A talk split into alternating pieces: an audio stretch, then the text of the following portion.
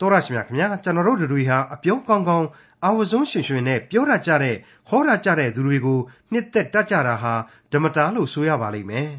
အပြောကောင်းတဲ့သူတွေရဲ့အပြောကြောင့်အမှားကိုအမှန်ထင်မိပြီးအပြောမှကြသွားကြတဲ့သူတွေအပြောကိုကြွေသွားကြတဲ့သူတွေကိုလည်းမတွေ့ဘူးအောင်တောင်မှကြားဘူးကြမှာပါနောင်တော့မှအမှန်ကိုသိရတဲ့အခါတိတ်ကိုနောက်ကျသွားခဲ့ရတဲ့အဖြစ်မျိုးတွေလည်းရှိကြပါတယ် အထူးသဖြင့်ခရိယန်အသင်းတော်အဖွဲ့အစည်းတွေမှာသင်းအုပ်တရားဟောဆရာတွေကယ်တင်ချင်းသတင်းကောင်းကိုလှည့်လည်ဝင်ကပြောကြားကြတဲ့သူတွေဟာအပြောကောင်းတာထက်အပြောမှန်ဖို့ကပိုးပြီးတော့အရေးကြီးပါတယ်ဒီအကြောင်းကိုဒီကနေ့တင်ပြရတော့တမချန်းအစီအစဉ်မှာလေ့လာမှဖြစ်တဲ့ခရိယန်တမချန်းရဲ့ဓမ္မသစ်ကျမ်းပိုင်းတွေကကောရိန္သုဩဝါဒစာပထမဆုံးအခန်းကြီး1အခန်းငယ်16ကနေအခန်းငယ်31အထိမှာတွေ့ရမှာဖြစ်ပါတယ် အပြောမကောင်းပေမဲ့လို့ခရိယန်အသင်းတော်အဖွဲ့အစည်းရဲ့ထိတ်တန်းဘိသုကာအာဇာနည်ကြီးရဲ့လို့ကမ္ဘာသမိုင်းမှာစတင်ရတဲ့တမန်တော်ကြီးရှင်ပေါလုရေးသားသောကောရိန္သုဩဝါဒစာပထမဆုံးအခန်းကြီး1အခန်းငယ်16ကနေအခန်းငယ်31အထိကိုဒေါက်တာထွန်းမြတ်ရေးကအခုလိုသုံးသပ်ရှင်းလင်းတင်ပြထားပါတယ်။သင်သိရသောတမန်ကျမ်းရဲ့မိတ်ဆွေတော်တတ်ရှင်အပေါင်းတို့ခမညာဒီကနေ့အဖို့တော့ကျွန်တော်တို့ဟာတမန်တော်ကြီးရှင်ပေါလုရဲ့ ကောရိန္သုအသင်းတော်သို့ပေးစာသို့မဟုတ်ဩဝါဒစာကြီးရဲ့ပထမစာဆောင်ကိုဆက်လက်လေ့လာသွားကြရမှာဖြစ်ပါတယ်။မနေ့ကအထိအခန်းကြီး1ရဲ့အငယ်16ကိုကျွန်တော်တို့ပြီးစီးခဲ့ပြီဖြစ်ပါတယ်။ဒီကနေ့အဖို့အငယ်18ကနေစတင်လေ့လာကြပါအောင်စို့။ဗတ္တိဇံကိုပေးစေခြင်းဟာခရစ်တော်သည်ငါ့ကိုစေလွှတ်တော်မူသည်မဟုတ်။ဧဝံဂေလိတရားကိုဟောစေခြင်းဟာစေလွှတ်တော်မူ၏။သို့တော်လည်းခရစ်တော်၏လက်ဝါးကတ်တိုင်ကိုအချီးနှီးမဖြစ်စေခြင်းဟာ နှုတ်ပညာကိုအခွင့်မပေးဘဲနေ၏ဒီပိုင်းနဲ့ပတ်သက်ပြီးတော့ကျမ်းစာသူတည်တည်တွေအမျိုးမျိုးမူကွဲပြီးတော့အဖြေတွေထုတ်ကြတာရှိပါတယ်အဲ့ဒါကနေပြီးတော့အသင်းတော်တွေအတွင်းအထိလဲအကြောင်းတွေဖြစ်လာစေဖို့ကြရက်ရိုက်ခဲ့တယ်လို့ကျွန်တော်တို့သိနာလေထားရပါတယ်အဲ့ဒီအကွဲအဲတွေတဲမှာလောလောလတ်လတ်ကောရိန္သုရဲ့အကွဲအပြဲဆိုတာဟာလေတခုအပါဝင်ပဲဖြစ်ရပါလိမ့်မယ်သာသနာပြုသူတို့ဟာစိတ်ဝန်းကွဲကြတာမဟုတ်ပါဘူး စိတ်ဝန်းကွဲဖို့လေအချိန်မရလောက်အောင်သူတို့ဟာအမှုတော်ကိုသာပြင်းပြင်းထန်ထန်ဆောင်နေကြကြရပါတယ်အမှုတော်မျက်၌သာလျှင်သူတို့ဟာအလွန်ပင်ပန်းဆင်းရဲကြီးစွာနဲ့အမှုတော်ကိုထမ်းဆောင်နေကြကြခြင်းဖြစ်ပါတယ်သူတို့ဟာခရီးစဉ်ကြီးတွေထဲမှာသာနစ်မြုပ်နေကြရပါတယ်ပင်ပန်းဆင်းရဲခြင်းအမျိုးမျိုး၌သာလျှင်ဝမ်းမြောက်ပျော်ရွှင်စွာနဲ့အမှုတော်ကိုထမ်းဆောင်နေကြရခြင်းဖြစ်ပါတယ်ဒါပေမဲ့ယုံကြည်သူဆိုတဲ့ဒုတိယဒန်းစာလူတွေအတွင်းမှာကတော့ ကယ်တင်ခြင်းတရားကိုကယ်တင်ခြင်းတရားအဖြစ်သီးသန့်မထားဘဲနဲ့ရှေးကာလကတည်းကအမြင့်ဆွဲခဲ့တဲ့အတိုင်း Greek philosophy လို့ခေါ်တဲ့အဘိဓမ္မာဒသနာတွေနဲ့ရှင်ပြီးတော့လေ့လာမှုတွေလိုက်စားမှုတွေဟာရှိနေခဲ့ပါတယ်။ဒါကြောင့်အမြင်အတွေးတွေဟာဆက်လက်ကွဲပြားခြားနားခဲ့ကြခြင်းဖြစ်တယ်လို့လည်းကျွန်တော်ကတော့ခံယူပါတယ်။ကနဦးအသင်းတော်တို့ရဲ့ယုံကြည်ခြင်းအစအဦးမှာဘု து လက်နဲ့နှစ်ချင်းခံတယ်လေ။အဲ့ဒီလိုနှစ်ချင်းပေးတဲ့ဆရာဟာမင်းရဲ့ဆရာ မင်းကသူ့ကိုပဲတစ္ဆာခံရမယ်ဆိုတဲ့အယူအဆတွေရှိနေလေသလားလို့ကျွန်တော်တွေးခေါ်မိပါတယ်ဒီအရှုပ်အထွေးတွေဟာလေသာမန်အားဖြင့်တော့ဘာအနှစ်သာရမှမရှိပါဘူးဒါပေမဲ့ဗတ္တိဇံဆရာယောဟန်ရဲ့အတိတ်သမိုင်းကစပြီးတော့တန်ရှင်းသောဝိညာဉ်တော်မှာအသစ်သောဘဝပြောင်းလဲခြင်းဆရာဟာလူသားပုဂ္ဂိုလ်တယောက်ရဲ့လက်နဲ့နှစ်ချင်းခံခြင်းနဲ့တက်တည်တည်ခဲ့ရလေတော့အဲ့ဒီလိုလူသားတယောက်ရဲ့လက်နဲ့နှစ်ချင်းခံတယ် လူသားတယောက်ရဲ့လက်နဲ့သာသနာဘောင်ကိုဝင်တယ်ဆိုတာကအမှန်တကယ်အသစ်သောပြောင်းလဲခြင်းတဲ့ပို့ပြီးတော့အရေးပါအရာရောက်တဲ့ပုံစံမျိုးအတွေးအခေါ်မျိုးခံစားချက်မျိုးတွေလူသားတွေရဲ့စိတ်ထဲမှာစွဲနစ်ဝင်ရောက်သွားခဲ့ကြလေရော့သလားဆိုပြီးတော့စဉ်းစားစရာတွေရှိလာပါတယ်ရှင်ပေါလုဟာအဲ့ဒီအစွန်းရောက်အတွေးအခေါ်ရဲ့ခင်မှာသာသနာပြုခဲ့ရပါတယ်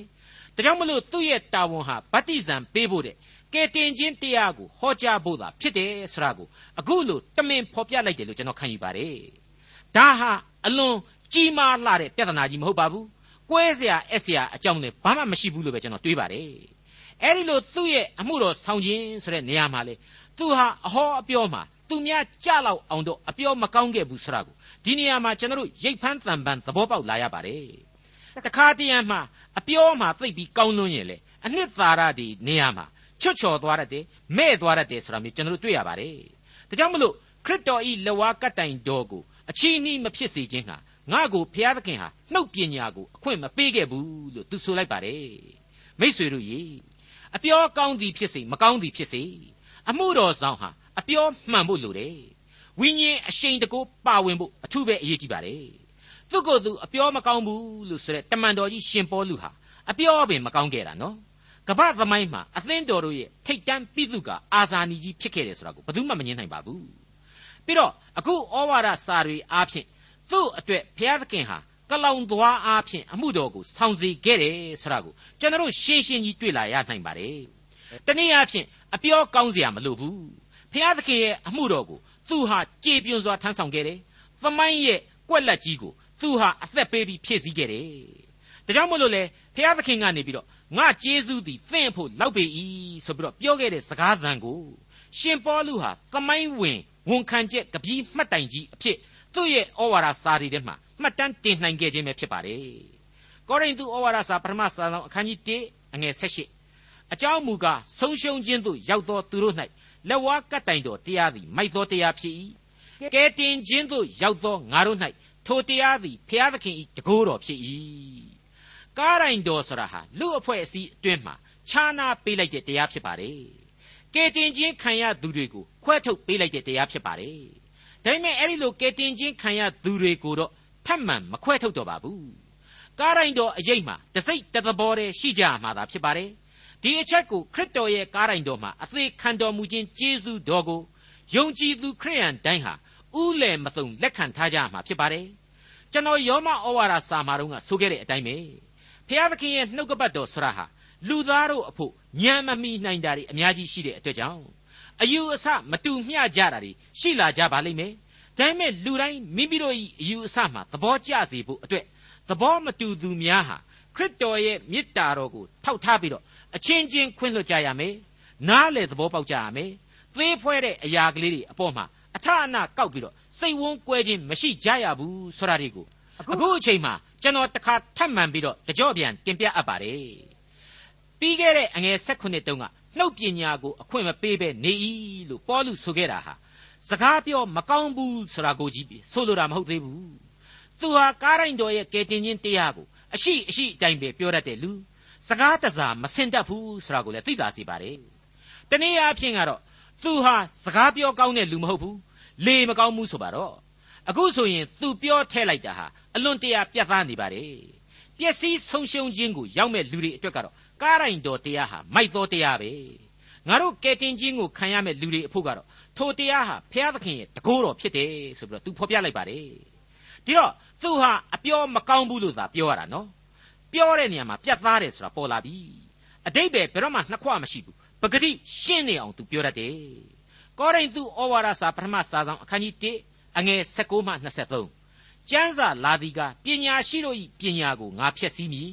ဉာဏ်ကောင်းသောသူတို့၏ဉာဏ်ကိုလည်းငါပယ်မည်ဟုလာသည်ပညာရှိကအဘယ်မှရှိသနည်းကြမ်းပြုဆရာကအဘယ်မှရှိသနည်းပြဿနာ၌လေးကျက်သောဆရာကအဘယ်မှရှိသနည်းလောကီပညာကိုဘုရားသခင်သည်မိုက်စေတော်မူသည်မဟုတ်လောအဘယ်သို့နည်းဟုမူကားဘုရားသခင်၏ပညာတော်စီရင်သည်နှင့်အညီလောကီသားတို့သည်မိမိတို့ပညာအားဖြင့်ဘုရားသခင်ကိုမသိဘဲနေကြသောအခါ ဘုရားသခင်သည်ယုံကြည်သောသူတို့ကိုဒေသနာတော်မိုက်မဲခြင်းအားဖြင့်ကဲတင်ခြင်းဟာစေတနာရှိတော်မူ၏ယူရလူတို့သည်နမိတ်လက္ခဏာတို့ကိုတောင်းတကြ၏ဟေလသလူတို့သည်ပညာကိုရှာတတ်ကြ၏ငါတို့မူကားလက်ဝါးကတ်တိုင်မှအသေးခံတော်မူသောခရစ်တော်၏အကြောင်းအရာကိုဟောပြောကြ၏ထိုအကြောင်းအရာသည်ကယုဒအမျိုးသားထိမိ၍လဲเสียအကြောင်းဖြစ်၏တပါးအမျိုးသား၌ကမိုက်မဲခြင်းအကြောင်းဖြစ်၏ဒီနေရာမှာ ရှင်ပေါလုဟာဂျူးလို့ခေါ်တဲ့ဣသရေလနဲ့တပါးအမျိုးသားဆိုပြီးတော့လူအုပ်စုနှစ်ခုကိုခွဲခြမ်းစိတ်ဖြာပြလိုက်ပါတယ်ဂျူးလူမျိုးတွေဟာဣသရေလတွေဟာဘာသာတရားကိုကိုစားပြုပါတယ်တဲ့ဟုတ်ပါတယ်ဖျားသခင်ကိုယ်တိုင်ချထားပေးခဲ့တဲ့ဖျားသခင်ကိုယုံကြည်ကိုးကွယ်မှုဖြစ်ပါတယ်ဘာသာရေးလို့လည်းဆိုခြင်းဆိုနိုင်ပါလိမ့်မယ်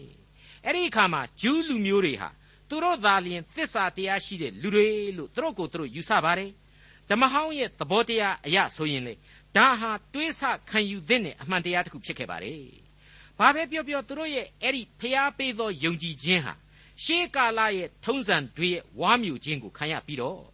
ဖျားသခင်ရဲ့ကျေးဇူးဂရုဏာတော်လမ်းကြောင်းကနေပြီးတော့မသိမသာသွေးဖီးလမ်းမှားသွားခဲ့ပြီဖြစ်ပါတယ်။တနည်းအားဖြင့်တော့သမာတရားဟာသစ္စာဖောက်တာမဟုတ်ပါဘူး။လူသားဖြစ်တဲ့ဘာသာပြန်သူတွေအတိတ်ပဲဖွင့်ဆိုသူတွေကသာသစ္စာဖောက်မိခဲ့ကြပါတယ်။ အဲ့ဒါဟာရွေးကောက်တော်မူသောလူမျိုးတော်ရဲ့ယုံကြည်ခြင်းစံချိန်ဝဝိညာဏစံချိန်ကြဆင်းရခြင်းအကြောင်းတစ်ခုဖြစ်တယ်လို့ကျွန်တော်ဆိုနိုင်ပါလိမ့်မယ်သူတို့ဟာအဲ့ဒီလိုအခြေခံအားနည်းချက်တွေကနေတဆင့်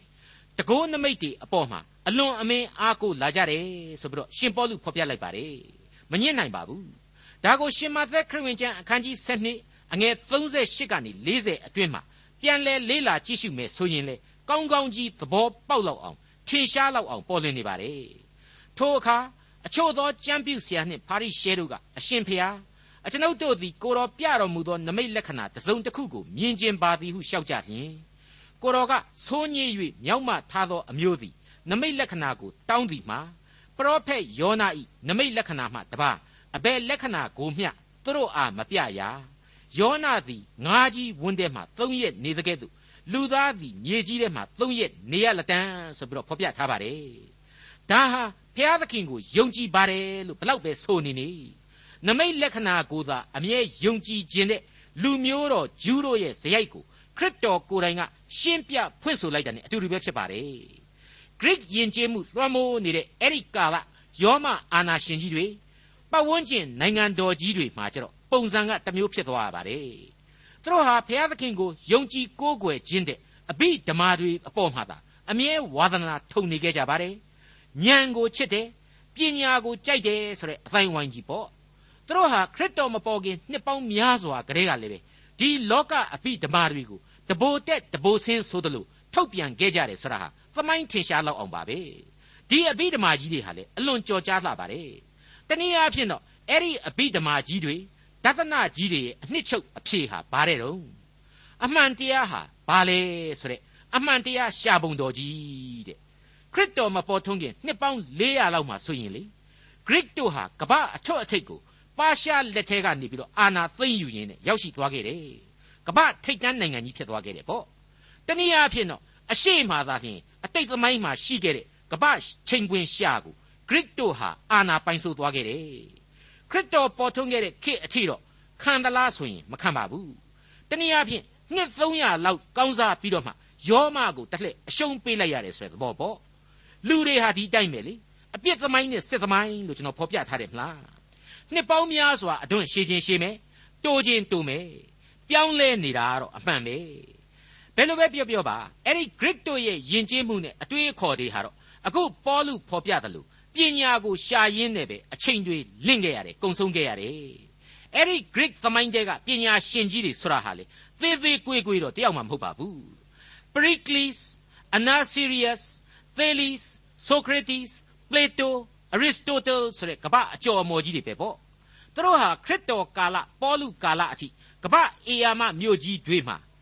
Epicurean schools Stoic schools လို့ခေါ်တဲ့ကျောင်းတော်တွေကိုမျိုးစေ့ချထားပေးခဲ့ပြီးတဲ့နောက် ကမ္ဘာနိုင်ငံရေးအတွေးခေါ်တို့ကိုမျိုးစေ့များချထားပေးခဲ့ပါတယ်ဒါပေမဲ့အဲ့ဒီကျောင်းတော်ကြီးတွေရဲ့ခေတ်ဟာလေခရစ်တော်မရှိတဲ့အချိန်လောက်ကစပြီးတော့တဖြည်းဖြည်းချိနဲ့အားပြော့ကွယ်ပြောက်သွားလိုက်တာဟာနှစ်ပေါင်း1500လောက်အနည်းဆုံးလောက်ရှိပြန်တော့မှာ Bacon, Hobbes, Descartes, Rousseau စတဲ့အဘိဓမ္မာဆရာကြီးတွေဝင်လာခဲ့ပြန်ပြီးတော့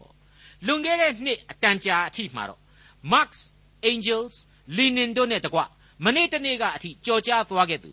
Bertrand Russell ဆိုတဲ့ပုဂ္ဂိုလ်ကြီးတွေအထိအဘိဓမ္မာပညာရှင်တွေနေရာရခဲ့ပြန်ပါတယ်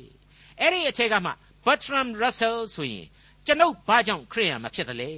Why I am not a Christian ဆိုတဲ့စာအုပ်ကြီးကိုပြုစုသွားခဲ့ပါတယ်လွန်ခဲ့တဲ့နှစ်30လောက်ကဆိုရင်အဲ့ဒီခေတ်အဲ့ဒီအချိန်အခါလူငယ်ပညာရတ်တွေအင်မတန်သဘောကျတဲ့မဟာပညာရှင်ကြီးတွေဟာအတော်ကြီးများပြားခဲ့ပါတယ်ဒီကနေ့ဒီအချိန်တိုင်အောင်လည်းပဲ ဒီလိုအတွေးအခေါ်ဒီပေါ်မှာစိတ်ကူးတွေယင်းပြီးတော့လေ့လာလိုက်စားနေသူတွေသဘောကျနေသူတွေမရှိဘူးလားဆိုရင်အမြောက်အများရှိနေတာကိုတွေ့ရပါတယ်ဒါဟာတကယ်တော့မဆန်းလှပါဘူးနိုင်ငံရေးနယ်ပယ်ကိုပဲကျွန်တော်တို့စောင်းငယ်ကြည့်ရှုလေ Marx Leninism ဆိုတဲ့ဝါဒကိုဖေးတောင်မှမစွန့်ဘူးတဲ့အဲ့ဒီလိုပြောနေသံတွေကိုကြားရစေပဲရှိတယ်မဟုတ်ဘူးလားကောင်းပြီ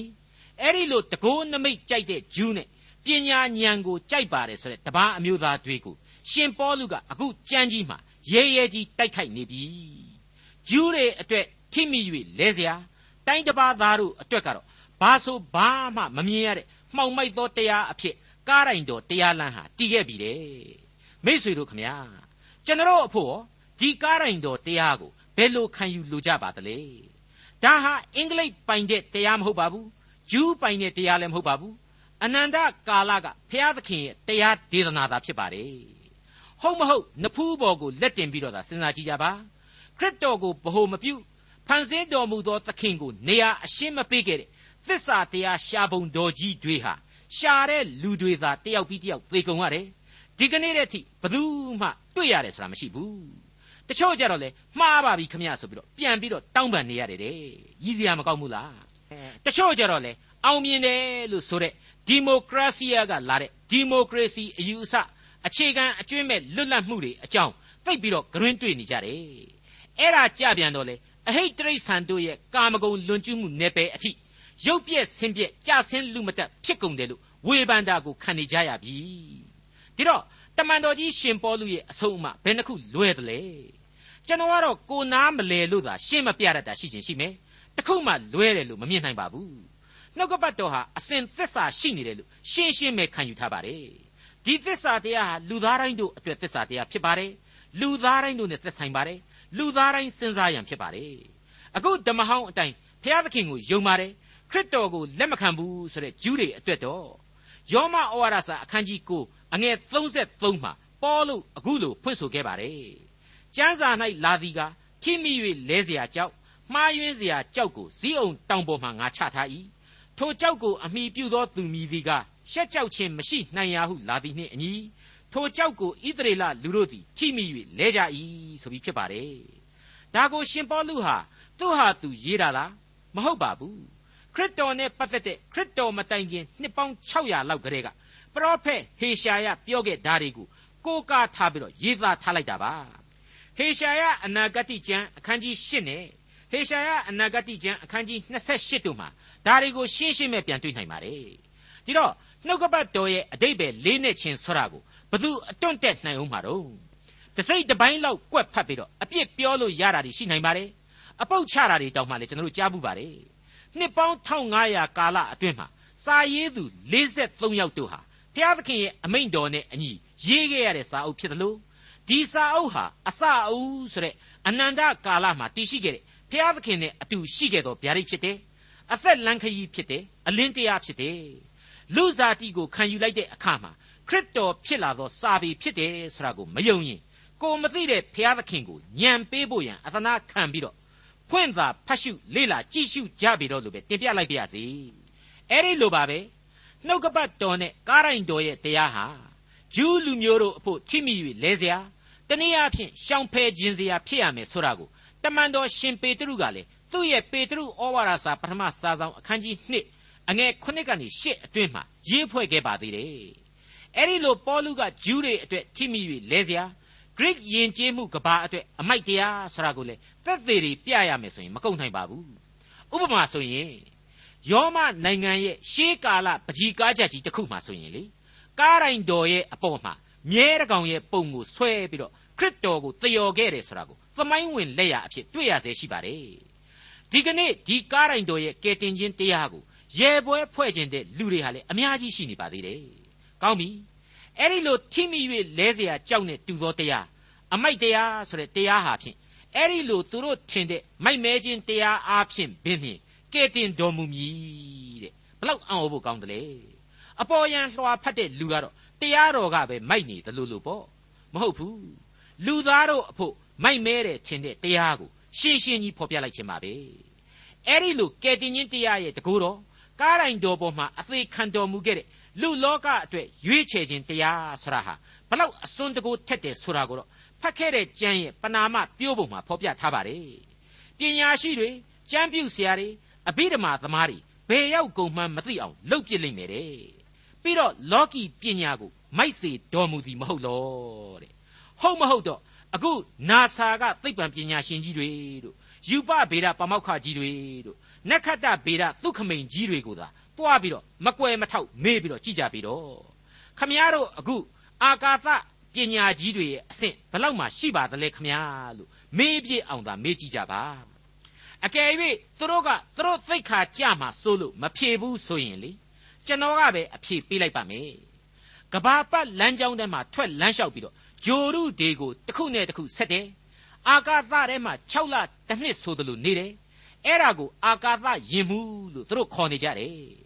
တကယ်သာစัจ java လာတဲကကျယ်တကွန်တစ်ခုခုစီကိုရောက်အောင်သွားကြည့်ပြီးတော့အာကာသယင်မှုဘွဲ့ကိုထိုက်ထိုက်တန်တန်ယူကြည့်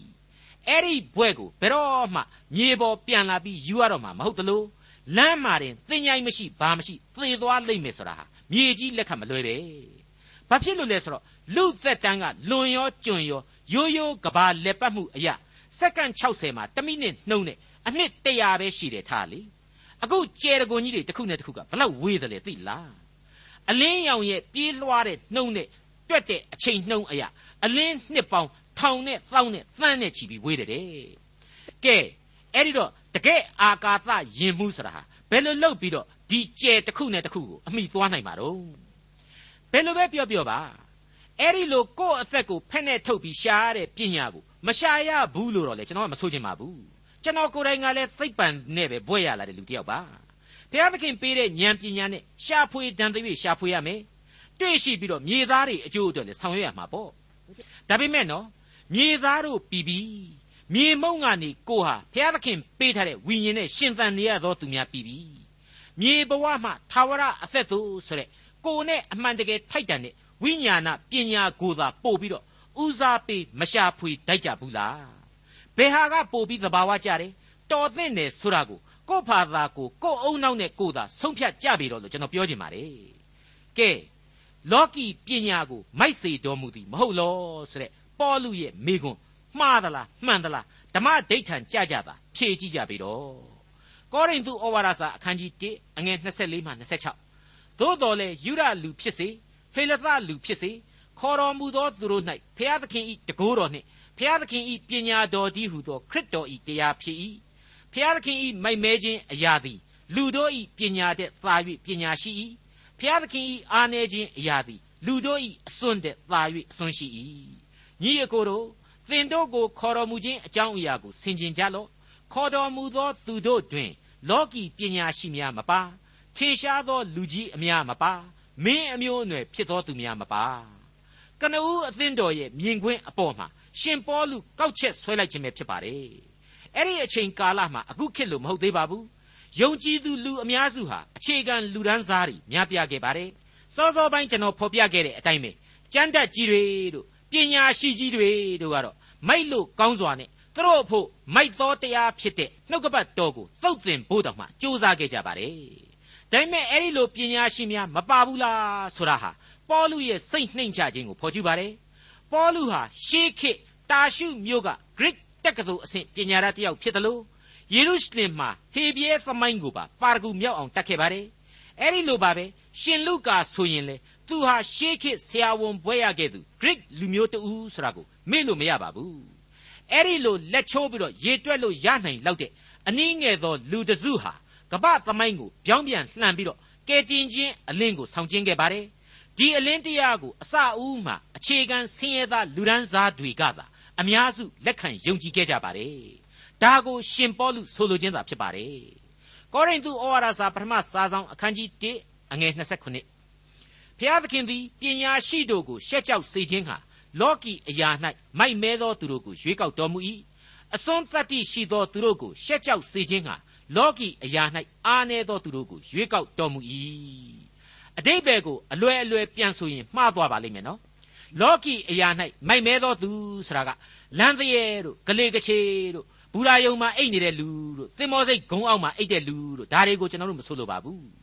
လောကအစွဲအလန်းတဲ့မှာမနစ်မြုပ်နိုင်သူသစ္စာတရားကိုရှာဖွေနေလို့ပတ်ဝန်းကျင်ကပယ်ရှားထားသူတွေကိုဆိုလိုပါတယ်အာနေသောသူဆိုတာဟာလေဒီအတိုင်းပါပဲဂုံမာနမမောက်နိုင်သူ လောကစည်းစိမ်အရှိန်အဝါမှာလက်မမထောင်နိုင်သူတွေကိုရည်ညွှန်းလိုက်ခြင်းပဲဖြစ်ပါတယ်မိษွေအပေါင်းတို့ခမညာအပြန်အလှန်သို့မဟုတ် vice versa ဆိုတဲ့စကားရှိပါတယ်လောကမှာမာမာနထောင်လွှားသူဆိုတာဟာကဲတင်ချင်းတရားကိုအလေးနဲ့မထားပဲခေါင်းမှာတက်ကြတယ်ဒါပေမဲ့ကဲတင်ချင်းတရားကိုခန်းစားရပြီဆိုတာနဲ့အဲ့ဒီမာမာနတွေဟာအကုန်လုံးပြိုလဲကြကုန်ကြရတော့တာပါပဲအကယ်၍သာအဲ့ဒီလိုမာမာနတွေ အကုန်လုံးပြိုလဲကြမကုန်သေးဘူးဆိုရင်လေသူဟာကဲတင်ခြင်းအကျင့်နဲ့တော့ဝေးနေသေးတယ်ဆိုတဲ့အချက်ပဲကောရိန္သုဩဝါဒစာပထမစာဆောင်အခန်းကြီး1 အငယ်28နဲ့29မြတ်သောသူတို့ကိုရှက်ကြောက်စေခြင်းဟာလောကီအရာ၌ဆင်းရဲသောသူမရေရာသောသူရုပ်သောသူတို့ကိုရွေးကောက်တော်မူ၏ထို့ကြောင့်ဖျားသခင်ရှေ့၌အဘယ်သူမျှဝါကြွားเสียအကြောင်းမရှိစောစောပိုင်းသင်ခန်းစာတွေထဲမှာကျွန်တော်ပြောခဲ့ပြီးပါပြီ ငါတို့ကခရစ်တော်ရဲ့လူတွေဘယ်သူမှဂရုစိုက်เสียမလိုဘူးဟေးဆိုတာမျိုးသွားမလုပ်နဲ့ခရစ်တော်ရဲ့လူမှန်ရင်လူတိုင်းကိုဂရုကိုစိုက်ကြရလိမ့်မယ်လူတိုင်းကိုမေတ္တာကိုထားကိုထားကြရလိမ့်မယ်ဘုရားသခင်ရဲ့ရှေ့တော်မှာဘယ်လူသားမှကိုယ်ယုံကြည်ခြင်းကအစကိုယ့်ရဲ့အစွမ်းတတ္တိတွေအာနာပါဝါတွေတကိုးစည်းစိမ်တွေဆရာဟာဝါကြွားเสียမဟုတ်ဘူးဘုရားသခင်ဟာအနုံညာတအပြစ်သားတွေနှိမ်ချတဲ့လူတွေအပေခံတွေကိုချစ်တဲ့ဘုရားဖြစ်တယ် သူ့ရဲ့ချစ်ချင်းမေတ္တာတော်ကိုသာပုံစံစံနမူနာယူပြီးတော့နှိမ်ချစွာအသက်ရှင်ကြဆိုပြီးတော့ရှင်ပေါလုအားပေးလိုက်ခြင်းဖြစ်ပါတယ်ကောရိန္သုဩဝါဒစာပထမစာဆောင်အခန်းကြီး1အငယ်30ထိုဖျားသခင်အားဖြင့်သင်တို့သည်ယေရှုခရစ်၌တည်နေကြ၏ထိုသခင်မူကားဖျားသခင်စီရင်တော်မူသည့်အတိုင်းငါတို့ပညာမှစ၍ဖြောင့်မတ်ခြင်းတန်ရှင်းခြင်းရွေးနှုတ်ခြင်းဖြစ်တော်မူ၏မိษွေအပေါင်းတို့ခမညာကန်းကုံအောင်ဆိုးတယ်လို့ မိုက်တယ်လို့ဆိုတာကြားရတာများပါတယ်အခုဖျားသခင်ကိုယုံကြည်ပြီးခရစ်တော်၌အသက်တာဟာတည်မိနေပြီဆိုရင်ကန်းကုံအောင်ဘဝဟာပြည့်စုံသွားကြရပြီဘလောက်ပဲဆင်းရဲဆင်းရဲဘလောက်ပဲအနေအထိုင်နှုံချနှုံချကျေးဇူးတော်ဆရာဟာသူကဖြစ်တယ်ဆရာကိုသာယုံကြည်ကဲတင်ချင်းကျေးဇူးကိုလူတိုင်းထိုက်တန်နေပညာတွေမတတ်လို့ဆင်းရဲလို့မျက်နာငယ်ရလို့ဆိုပြီးတော့ဝန်းမနေကြနဲ့ သူဟာမိษွေတို့ကိုဖန်ဆင်းသူမိษွေတို့ရဲ့အသက်ဝိညာဉ်ကိုပိုင်သအုပ်စိုးသူဖြစ်ပါတယ်သူ၌တည်နေပြီဆိုမှဖြင့်မိษွေတို့လူသားတို့ကွန်ပျူတာနဲ့တွက်လို့မရနိုင်တဲ့ကောင်းကြီးတွေကိုမုတ်ချမသွေခန်းစားကြရလိမ့်မယ်အထူးသဖြင့်လူဘဝအသက်တာမှာအကြောက်ရဆုံးဟာဘာတဲ့တော့လောကရန်တရားနဲ့သေခြင်းတရားပဲမဟုတ်ဘူးလားအဲ့ဒီလောကရန်ဆင်းရဲခြင်းတွေကြားထဲမှာသူ့ကိုလက်တွဲမဖြုတ်သလိုသေခြင်းရဲ့စီရင်ချက်ကိုလေသူ့ရဲ့ကယ်တင်ခြင်းတရားနဲ့ ပြုံပြုံကြီးရင်ဆိုင်နိုင်ကြပါတယ်ကောင်းကင်ဘုံစုကျေးဇူးဆရာဟာလူသားတွေအတွက်ဖျားသခင်တမင်ပေးထားတဲ့လူအေယာမအခွင့်အရေးကြီးပါပဲကောရိန္သုဩဝါဒစာပထမစာဆောင်အခန်းကြီး1အငယ်31ဏိဂုံးသို့ဖြစ်၍ကျမ်းစာလာသည်နှင့်အညီဝါကြွားသောသူမြည်သည်ကထာဝရဘုရား၌သာဝါကြွားစေကျွန်တော်ကဒီနေရာမှာတက်လှမ်းခဲ့ပါဆိုတဲ့ကြပြားလေးနဲ့ကျွန်တော်ရဲ့ဟောပြောချက်ကိုညီကုန်းချုပ်ချင်ပါတယ် ထူးမြတ်လွန်စွာလူဘဝအသက်တာပြည့်ရမှာမြန်တလောက်ပျောက်ရမှာတခဏလောဘဒေါသမာမာနတွေနဲ့မောဟသောကအမြန်ကြွလေတဲ့ရှာဖွေဆန်းစစ်မေတ္တာတော်သခင်သစ္စာရှင်မကယ်ရင်ဖြင့်အပေတွင်ပြက်အသက်နှင့်ဝေးမနှေးအမြန်လောကရန်ခံပေရောအာမန်ဘယ်မှလေကြွားရန်ရှာဖွေစေအဆွေရဲ့အချိန်တွေအလင့်ခံမဲ့အစားသခင်ထံပြေးက သူပေးရအသက်လမ်းကိုတက်လှမ်းပါလားဒေါက်တာထွန်းမြတ်ရေးစီစဉ်တင်ဆက်တဲ့တင်ပြရသောတမချန်းအစီအစဉ်ဖြစ်ပါတယ်နောက်တစ်ချိန်အစီအစဉ်မှာခရိယန်တမချန်းဓမ္မသစ်ကျမ်းပိုင်းတွေကကောရိန္သုဩဝါဒစာပထမဆုံးအခန်းကြီး1ကိုလေ့လာမှဖြစ်တဲ့အတွက်စောင့်မျှော်နားဆင်နိုင်ပါတယ်။